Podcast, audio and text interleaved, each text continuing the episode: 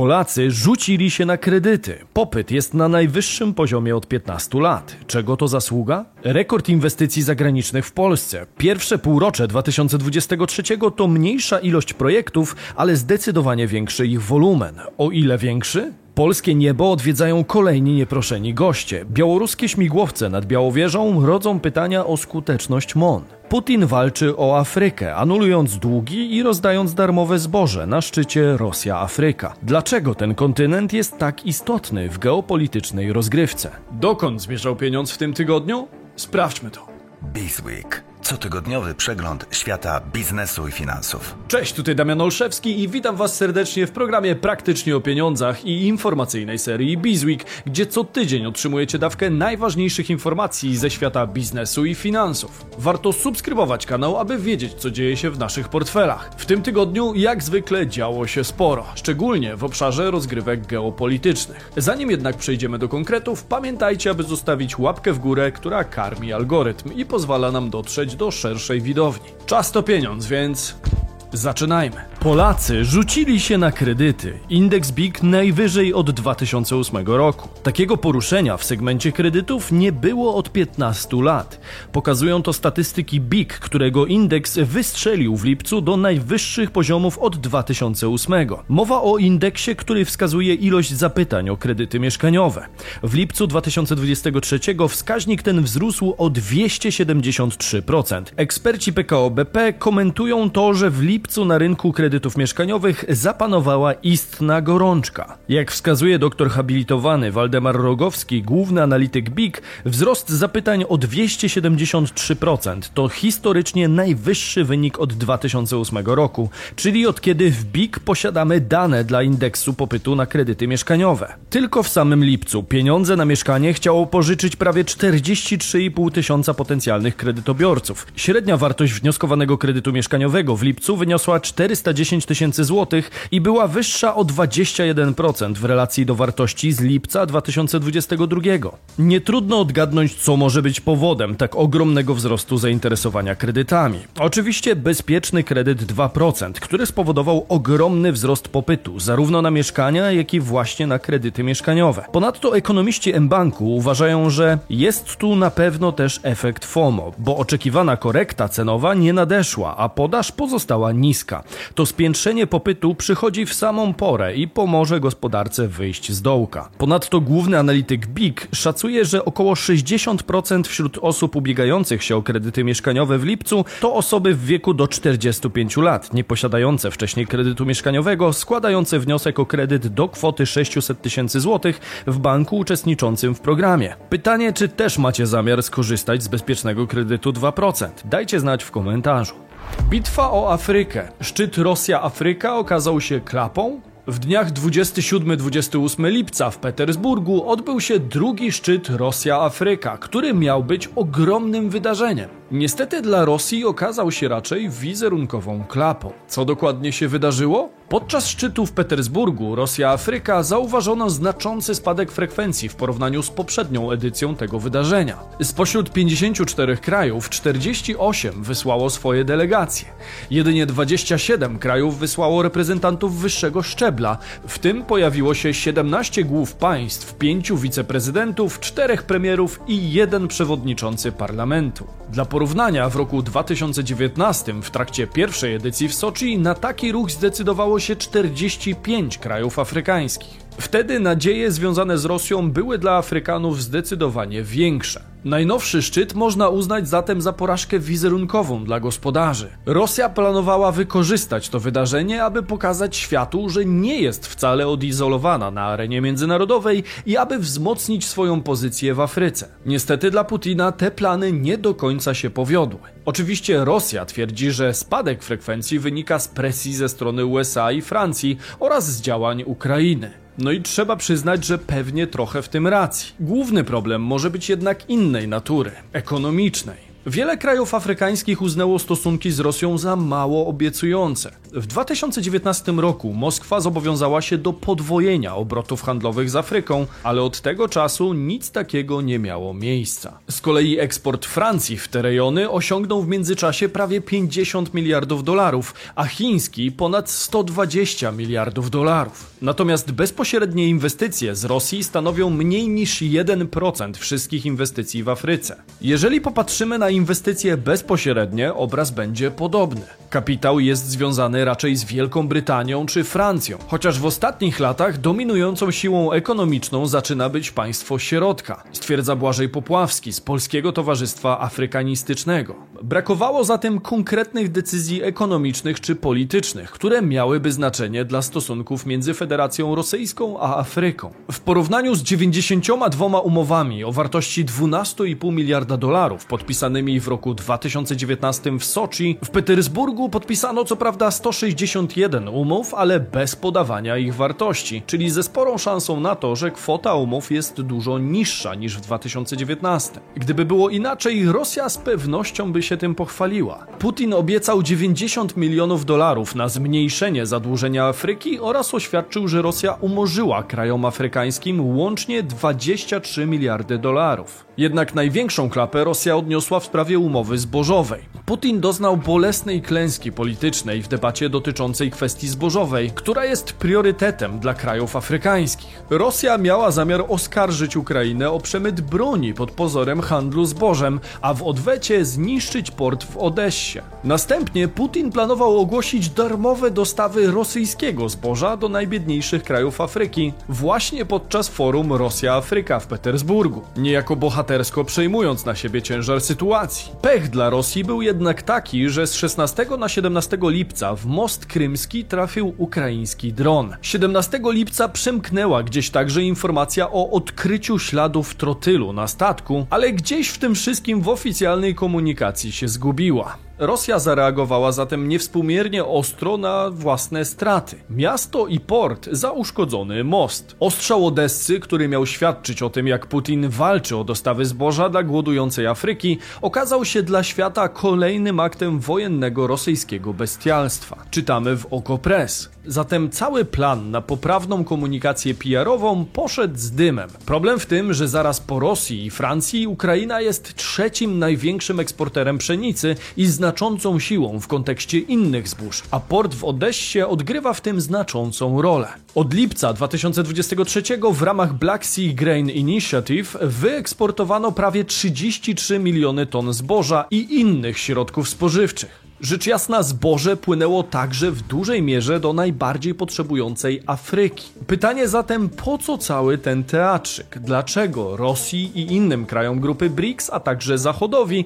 tak bardzo zależy na Afryce? Afryka jest kontynentem bogatym w surowce mineralne, natomiast zamieszkujące ją narody często poszukują kapitału, narzędzi czy też technologii, do których same nie mają dostępu. A tu pojawia się szansa na intratną pomoc. To przecież jeden z tych kawałków bogatej w złoża ziemi, który jeszcze nie został odpowiednio wyeksploatowany. Zgodnie z danymi Organizacji Narodów Zjednoczonych, Afryka posiada około 30% globalnych zasobów minerałów. 2% całkowitych światowych zapasów ropy naftowej oraz 8% zasobów gazu ziemnego. W regionie tym znajduje się ponad 80% światowych rezerw chromu i platyny, a także blisko 40% światowych zapasów złota. Kontynent ten charakteryzuje się obfitością zasobów i odgrywa ważną rolę jako globalny producent minerałów, zwłaszcza w kontekście chromu, manganu, tantalu, diamentów, uranu, a także jakże istotnego dla Europy kobaltu bowiem w Demokratycznej Republice Konga pozyskuje się niemal 70% światowej produkcji kobaltu,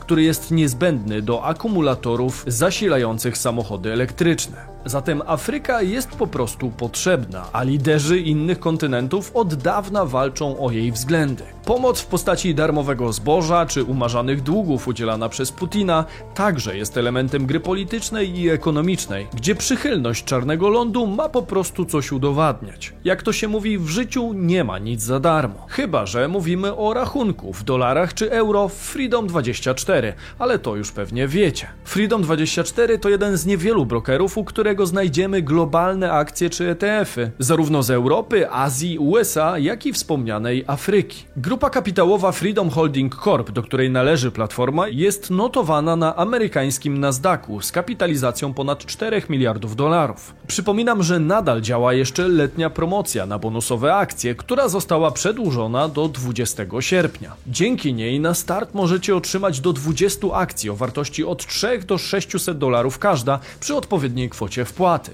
Szczegóły promocji i kody promocyjne znajdziecie na planszy oraz w opisie filmu. Koniecznie dajcie znać, jakie akcje Wam się trafiły, bo nieraz trafiały nam się już prawdziwe perełki. Freedom24 udostępnia także opcje planów oszczędnościowych na 3, 6 i 12 miesięcy z oprocentowaniem od 3,6 do 5,8% w euro i dolarze. Można w ten sposób zaparkować środki, których nie chcemy przewalutowywać lub kiedy nie mamy pomysłu na dalsze inwestycje. Sam używam tej platformy dla swojej waluty obcej, którą trzymam w rezerwie i myślę, że warto jej się przyjrzeć. Szczegóły promocji i rachunków Freedom znajdziecie pod linkiem w opisie filmu i w przypiętym komentarzu. Warto w tym celu użyć właśnie tego linka, bo dzięki temu w przyszłości będziecie mieli dostęp do promocji wyłącznie dla bizonów. Polskie niebo otwarte na białoruskie śmigłowce? 1 sierpnia nad Polską pojawiły się białoruskie śmigłowce wojskowe, co wywołało niemałe poruszenie wśród mieszkańców przygranicznych obszarów. Ten incydent ponownie ujawnił braki w naszym systemie obrony powietrznej. Do podobnego wydarzenia doszło w maju, gdy pod Bydgoszczą znaleziono rakietę wystrzeloną kilka miesięcy wcześniej. Podczas zdarzenia i tuż po nim prowokacyjne działania białoruskiej armii nie spotkały się z żadną reakcją ze strony Polski.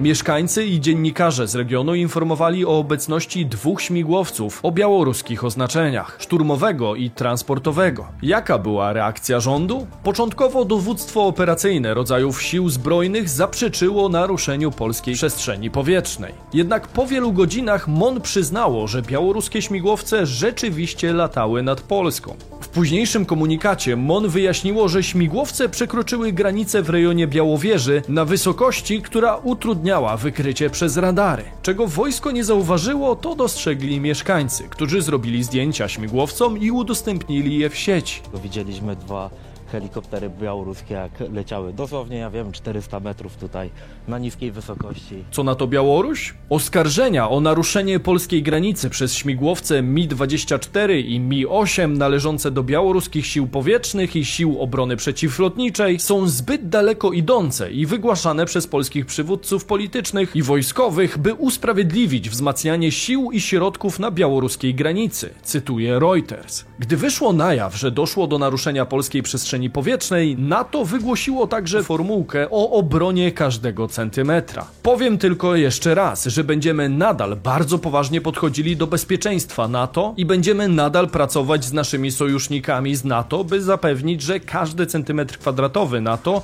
pozostanie bezpieczny. Po raz kolejny pokazaliśmy, że można swobodnie wlecieć na teren naszego kraju. I oby to była kolejna lekcja, z której wyciągniemy wnioski, uszczelniając tym razem luki. Tym bardziej, że strona białoruska informowała o szkoleniu. Jak podają eksperci, skoro znaliśmy obszar narażony na takie ryzyko, to wystarczyło rozstawić zdolną do przerzutu stację radiolokacyjną SOA, czy też mobilny trójwspółrzędny radar obserwacyjny średniego zasięgu. Jak widać, MON się nie popisał, ale w prowokacjach tego typu ważne jest, aby nie dać się sprowokować i doprowadzać tym samym do rozłamów we własnych strukturach. Były dowódca gromu, generał Roman Polko, wyraził swoją opinię na temat incydentu. Zwrócił uwagę, że mimo wcześniejszych obietnic nie ustalono odpowiednich procedur reagowania na takie sytuacje. Podkreślił, że Polska powinna odpowiedzieć ćwiczeniami i wzmożoną czujnością na ogłoszenie manewrów przez Białoruś. Na pytanie, czy białoruskie śmigłowce powinny zostać zestrzelone, generał Polko odwołał się do incydentu z 2015 roku,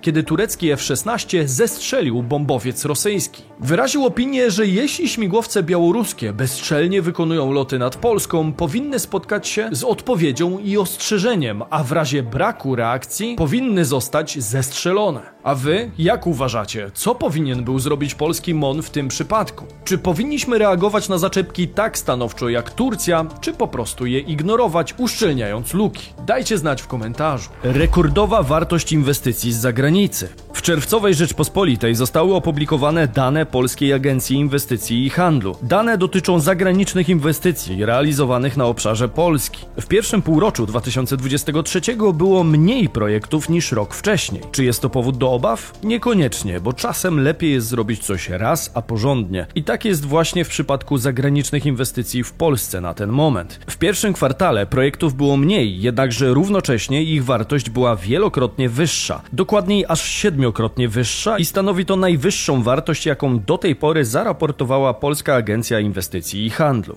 Przede wszystkim jest to zasługa naszej bliskiej współpracy ze Stanami Zjednoczonymi, która oprócz pola politycznego i militarnego rozwija się również bardzo na polu gospodarczym. Było to zresztą istotnym tematem podczas rozmów ze stroną amerykańską przy okazji tegorocznej wizyty Joe Bidena w Warszawie. Główną zasługę takiego wyniku należy oczywiście przyznać Intelowi, który w połowie czerwca ogłosił decyzję o wartej 4,2 miliarda euro inwestycji w fabrykę chipów na Dolnym Śląsku. W 2023 roku współpracujemy głównie z dużymi międzynarodowymi firmami i dlatego obserwujemy mniejszą liczbę aktywnych projektów w analogicznym przedziale czasowym, ale znacząco wyższe deklaracje inwestycyjne. Wyjaśnia Monika Grzelak, zastępca dyrektora Departamentu Inwestycji w Polskiej Agencji Inwestycji i Handlu. Oczywiście inwestycja Intela nie jest jedyną dużą lokatą kapitału zagranicznego nad Wisłą. W pierwszej trójce największych projektów sfinalizowanych w pierwszym półroczu są też dwie inwestycje ogłoszone przez spółkę Robert Bosch za prawie 400 milionów euro, w tym budowa